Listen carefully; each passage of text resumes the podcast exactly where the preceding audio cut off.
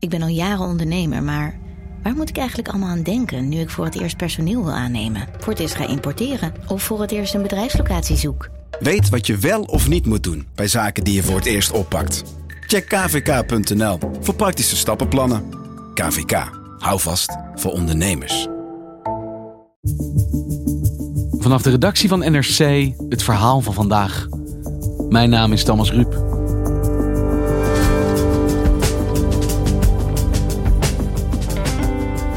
Sociale huur in Nederland staat onder druk.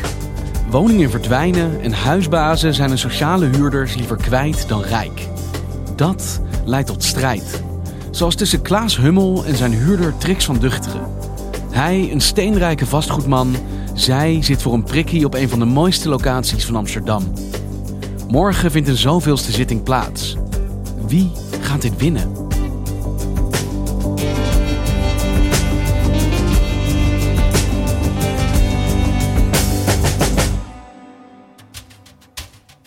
De lanen aan de achterkant van het Vondelpark zijn zonder twijfel de mooiste van Amsterdam. Ze zijn lommerrijk, de huizen zijn er groot, de plafonds zijn er hoog. En het gros van de rijke mensen van de hoofdstad woont daar graag. Marijn Rengers is onderzoeksjournalist en maakte dit verhaal samen met Sam de Voogd. Dus de straten staan vol dure auto's, Tesla's, Porsches. Er zitten advocatenkantoren, notariskantoren. Het is, het is de mooiste plek van Amsterdam in feite. Het is een, een rijke enclave eh, in de toch al rijke stad. En een van de mensen die woont in die rijke enclave is Trix van Duchteren. En Trix van Duchteren is helemaal niet rijk. Trix van Duchteren uh, is tegen de 60 en heeft een sociale huurwoning. Een van de laatste sociale huurwoningen in deze dure buurt. Ze was cameravrouw, ze heeft een boek geschreven, ze heeft scenario's geschreven. Ze is heel wel bespraakt, ze is slim. Een artistieke aanleg. Een beetje artistiek type uit de mediahoek. Ja, ze past ook wel bij het oud-Zuid van vroeger. Dus een nette, beschaafde vrouw. Niet met een hele dikke portemonnee, maar wel het type. En waarom was jij daar? Waarom bij haar? Ik was bij haar. Ik werd benaderd via een uh, vastgoedjournalist die ik ken. En die had tegen haar gezegd: Je moet eens uh, met NRC gaan praten over wat je allemaal is overkomen. Dus ik was daar om haar verhaal te horen. Het verhaal over het, het al 30 jaar durende gevecht om haar huurwoning.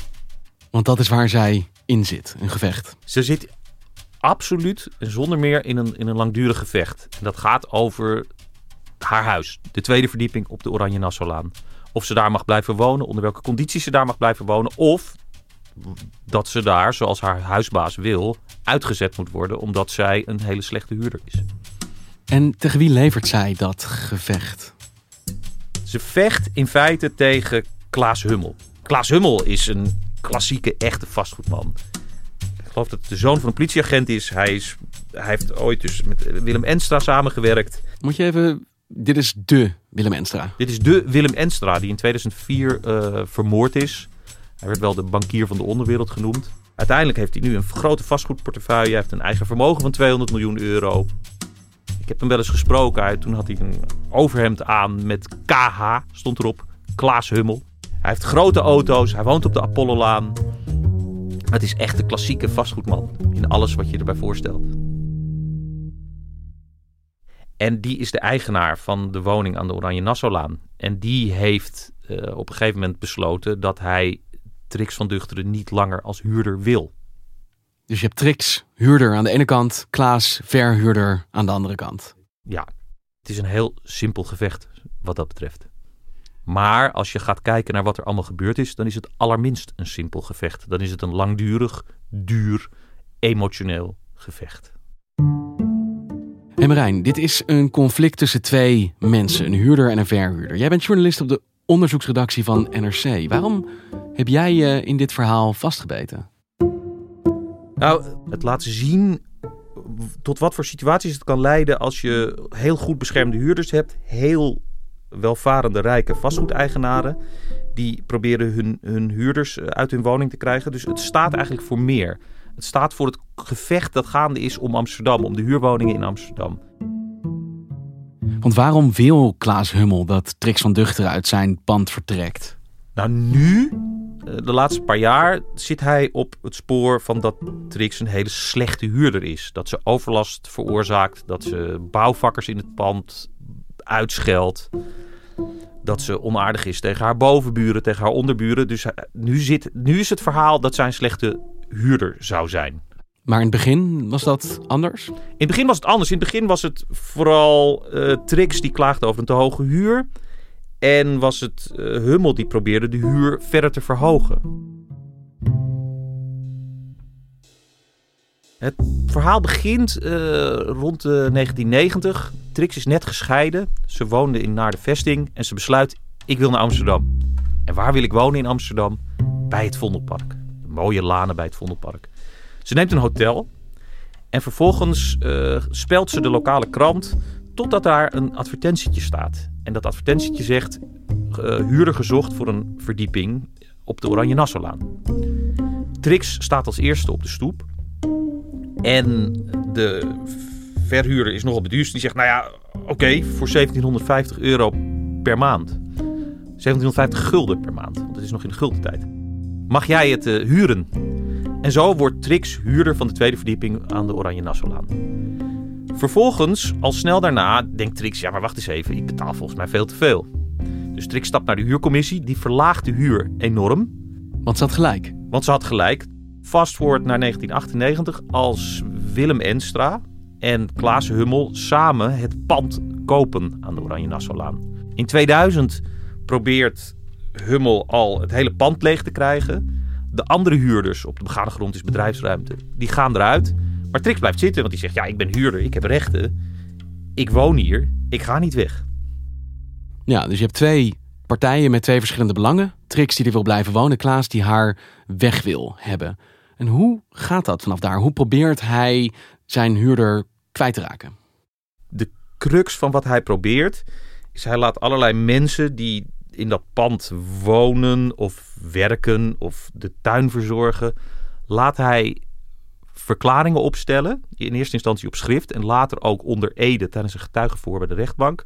Waarin zij uitleggen dat Trix een hele slechte huurder is. Ze zorgt voor overlast, ze zou onbeschoft zijn en zo het huurgenot van de anderen in het pand omlaag brengen. Die bevestigen dat verhaal allemaal. Ja. En wat zegt Trix van Duchteren daar zelf over? Hoe reageert zij op die aantijgingen? Trix van Duchteren zegt, en met haar haar advocaten, al die mensen die die verklaringen hebben afgelegd, de tuinman, het bovenbuurmeisje, de onderhuurder, zijn allemaal mensen die op de een of andere manier in verbinding staan met Klaas Hummel. En dat is ook zo. Dus dat bovenbuurmeisje is een vriendin van de dochter van Hummel. De, de klusjesman die zegt, ja, mijn mannen worden uitgescholden, werkt ook voor Hummel. Dus zo zie je dat er allerlei verbanden zijn tussen de mensen die, die zeggen Trix heeft, uh, is een slechte huurder en, uh, hun, en Klaas Hummel, de verhuurder. Het is zo erg van jou. Gries, je bent zo eng, ook om te zien. Je bent zo'n vies eng meisje. Ja, ook allemaal opgenomen. De dagvaarding naar beneden zal de dagvaarding naar boven worden. Wat er in dit gevecht ook de hele tijd plaatsvindt, is dat zowel Trix als de buren die in Kamp Hummel zitten, geluids- en beeldopname maken van elkaars vermeende misdragingen. Dus er zitten in het dossier ook geluidsopnames, beeldopnames, waarbij er flink gescholden wordt over en weer. Een paar dagen geleden nog stommelde er een dronken bezoekster van de bovenbuurvrouw de trap af. En die begon eens even flink te schelden tegen de voordeur van Trix. En Trix, s'avonds laat, heeft dat allemaal opgenomen en ook weer aan het dossier toegevoegd. En er is ook nog een filmpje en een geluidsopname waar er ook gedoe is tussen Trix en eh, de bovenbuurmeisje. Waarbij het bovenbuurmeisje de, dit allemaal filmt. Wacht even. boven, laat die bitch staan. Wacht even. Ja, we bellen de politie dan. Kom. We bellen de politie. Huis, ja, maar dit is huisspelen in Ik weet het. Dus ja, ja, met je lelijke Nou, doe het. Je bent eng. Ja, en die worden ook weer aan het dossier toegevoegd. En voorzien van, door beide kampen van een uitleg die heel plausibel klinkt. Maar die wel loodrecht staat tegenover de uitleg van de andere partij ja, ga er maar aan staan. Het is, het is een mijnenveld. Wat zijn de juridische stappen tot nu toe geweest in de notendop? In eerste instantie heeft Hummel tegen Trix geprocedeerd en heeft de rechter gezegd: Nou, ik, eh, ik zie het allemaal niet zo, de overlast van Trix. Toen heeft Hummel gezegd: Ja, ik, het is toch behoorlijk erg, ik wil getuigen horen. Toen heeft de rechter gezegd: Oké, je mag getuigen horen. Toen zijn de getuigen gehoord. Toen is op basis van die getuigenissen gezegd: Oké, Trix, we vinden jou inderdaad een slechte huurder, je moet eruit. En toen zijn er vervolgens twee kort gedingen gevoerd die het uitzetten van Trix hebben opgeschort. En daar staan we nu. Het huurconflict is totaal geëscaleerd. Het, is al twee keer bij de rechter geweest en twee keer bij de kortgedingrechter. Er zijn, het is, er zijn kamervragen over gesteld. Hummel heeft er al een ton aan advocaatkosten aan vertimmerd. Het is totaal en volledig uit de hand gelopen. En Marijn, je zei dat dat gevecht tussen Klaas Hummel en Trix van Duchteren staat voor een strijd die in heel Amsterdam op dit moment wordt gevoerd. Maar wat is daar dan precies aan de hand nu? Er is een, een, een maniacale vastgoedhandel in Amsterdam, waarbij panden voor miljoenen van de hand gaan. Naar grote vastgoedpartijen, kleine vastgoedpartijen, buitenlandse vastgoedpartijen, rijke vastgoedbeleggers. Waarbij de huurders die in zo'n woning zitten, ja, die zitten een soort sta in de weg voor de waardeontwikkeling van de vastgoedontwikkelaars. Tenminste, zo zien zij dat. Kijk, je moet je realiseren dat zo'n etage in, aan de Oranje Nassaulaan is heel veel geld waard. En stel dat Trix weg is uit dat huis, dan is het hele huis nog veel meer geld waard. Die panden, het, het pand daarnaast stond voor, ik geloof, 6, 7, 8 miljoen te koop. Dus het, het, de, de, de winst die er te boeken is voor de vastgoedeigenaar, om, uh, om een huis zonder huurders erin te hebben. Zeker iemand zoals Trix die 500 euro per maand ongeveer betaalt voor die verdieping. Want dat is wat ze betaalt. Dat is wat ze betaalt. 500 euro. 500 euro. Ja, de, de, de waardesprong die te realiseren valt als zo'n huurder eruit het is enorm. En nou zegt uh, Hummel, daar is het me niet om te doen. Maar goed, het, is, het blijft een feit. Is ze eruit, dan wordt het pand echt navenant misschien wel miljoenen meer waard.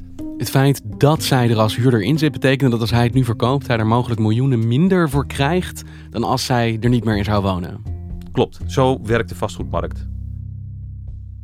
Want je, je, je betaalt voor wat iets aan huur kan opbrengen. En als er een huurder in zit die weinig betaalt met sterke rechten, is het minder waard dan als je het huurvrij hebt en je ermee kan doen en laten wat je wil. Dus het voordeel voor de huurder is het nadeel van de verhuurder.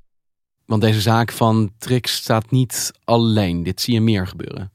In, dit zie je veel meer gebeuren. Zeker in Amsterdam, omdat daar de huizenprijzen zo hoog zijn. Maar ook elders in het land zijn er uh, allerlei conflicten tussen zittende huurders en met name particuliere verhuurders. Over de hoogte van hun huur, de staat van hun onderhoud, eventueel overlast. Dus de, de, de verhuurders en de huurders zijn door het beleid en door al het geld tegen elkaar opgezet. Want wanneer is dit veranderd? Ik neem aan, dit beleid is ooit bedoeld om mensen met lage inkomens toch op een acceptabele, mooie plek zelfs te laten wonen. Wanneer is dit begonnen, dat verhuurders zich daar eigenlijk tegen zijn gaan verzetten? Sinds 2013 eigenlijk zie je dat het aantal sociale huurwoningen dat er in Nederland te huur is, heel langzaam aan het teruglopen is. Dus er zijn er nu ongeveer 100.000 minder dan een jaar of zes, zeven geleden. En dat is echt een absolute trendbreuk. Want daarvoor, vanaf de jaren 70, zijn er steeds sociale huurwoningen bijgekomen. Van, uh, vanaf ruim een miljoen tot 2,3 miljoen misschien wel in 2013. 2013 is echt het kantelpunt. En waar komt dat kantelpunt vandaan? Wat veranderde er in 2013? Nou, wat er verandert is dat vanaf dat moment, vanaf die periode, de centrale overheid geld is gaan weghalen. Geld is gaan belasten via de zogeheten verhuurdersheffing bij de woningcorporaties. En dat waren de organisaties die de meeste sociale huurwoningen bouwden. En dat is verkocht aan, de, aan, aan het land als een manier om scheefwonen tegen te gaan. Weet je nog, hè? scheefwonen was heel erg veel verdienende mensen die in een te goedkope huurwoning zouden zitten. Ja, mensen die gesubsidieerd hun centen zouden tellen. Ja, ja. Nou, het verhaal was dus de huren mogen omhoog voor de sociale huurwoningen. We gaan zorgen dat al die scheefwoners verdwijnen. Maar uiteindelijk wat er vooral gebeurt is dat er minder sociale huurwoningen zijn gekomen. En dat mensen meer zijn gaan betalen. En dat daarvan vooral de vastgoedsector heeft geprofiteerd. Want hoe meer huurder wordt betaald, hoe meer inkomsten de eigenaren van panden hebben. Dus was het bedoeld om te zorgen dat mensen niet ten onrechte van sociale huur gebruik maakten. Maar het heeft er vooral voor gezorgd dat eigenlijk geen huiseigenaar nog sociale huur wil in zijn pand. Zeker, precies. En dat, dat is precies wat er is gebeurd. En dat knelt. En, en één belangrijke reden dat dat is gebeurd is... de belofte was wel dat er flink bijgebouwd zou worden... maar dat is eigenlijk nauwelijks gebeurd. Dus eigenlijk het gevolg is, kortom... dat de positie van mensen met een lage huur verslechterd is... en de positie van de vastgoedeigenaren... en zeker de mensen die veel panden hebben... enorm is verbeterd. Want hoe sterk sta je als huurder tegenover een verhuurder of vastgoedbaas die zegt: Ik wil dat jij hier weggaat? in principe sta je buitengewoon sterk. Alleen een vastgoedeigenaar met diepe zakken heeft de middelen en het geduld om die kan ook vier keer naar de rechter. Dus in principe sta je heel sterk. Alleen de hele tijd als er tegen je geprocedeerd wordt, dan moet je maar overeind zien te blijven. Want dat kost geld, het kost tijd, het kost energie. Dus, dus ook daar zit een, een oneerlijkheid in.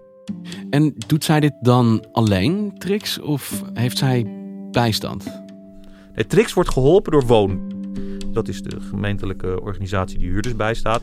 Dus de gemeente Amsterdam heeft een fonds waar uh, mensen een beroep op kunnen doen die uh, problemen hebben met hun verhuurder. Dus in dit geval wordt de, is de gemeente helpt Trix om zich te verweren tegen Klaas Hummel. Het is best wel moeilijk om je te verweren. En als je woongenot, je moet ook inderdaad sterk zijn en ook wel behoorlijk koppig om te blijven zitten. Want echt leuk is het natuurlijk niet. Zij heeft, is hier uitgekomen, maar er zijn natuurlijk heel veel huurders die helemaal de weg niet weten. En die uh, zich vervolgens ook uit hun huis laten uh, pesten. En van de kant van de verhuurder, je moet er ook wel behoorlijk op gebrand zijn om die huurder weg te krijgen. Want ja, je kan ook denken, nou, ik, ik zie er nog wel even uit met het vermogen dat ik heb.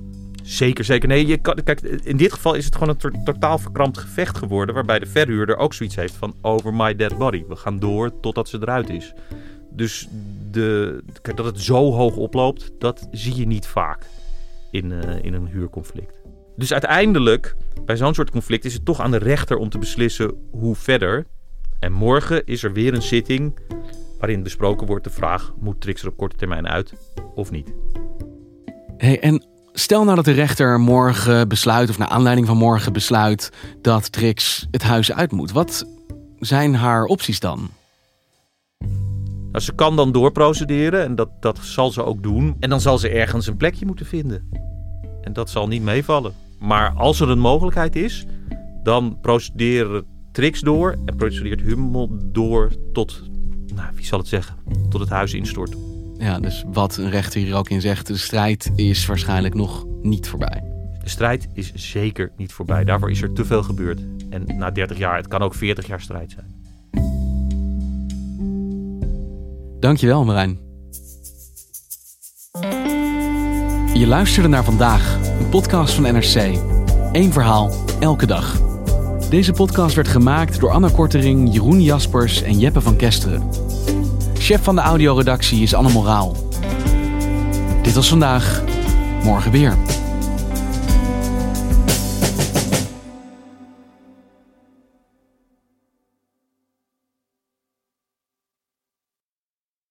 Technologie lijkt tegenwoordig het antwoord op iedere uitdaging. Bij PwC zien we dit anders. Als we de potentie van technologie willen benutten, kunnen we niet zonder een menselijk perspectief. Human-led, tech-powered noemen we dat. Ga naar pwc.nl.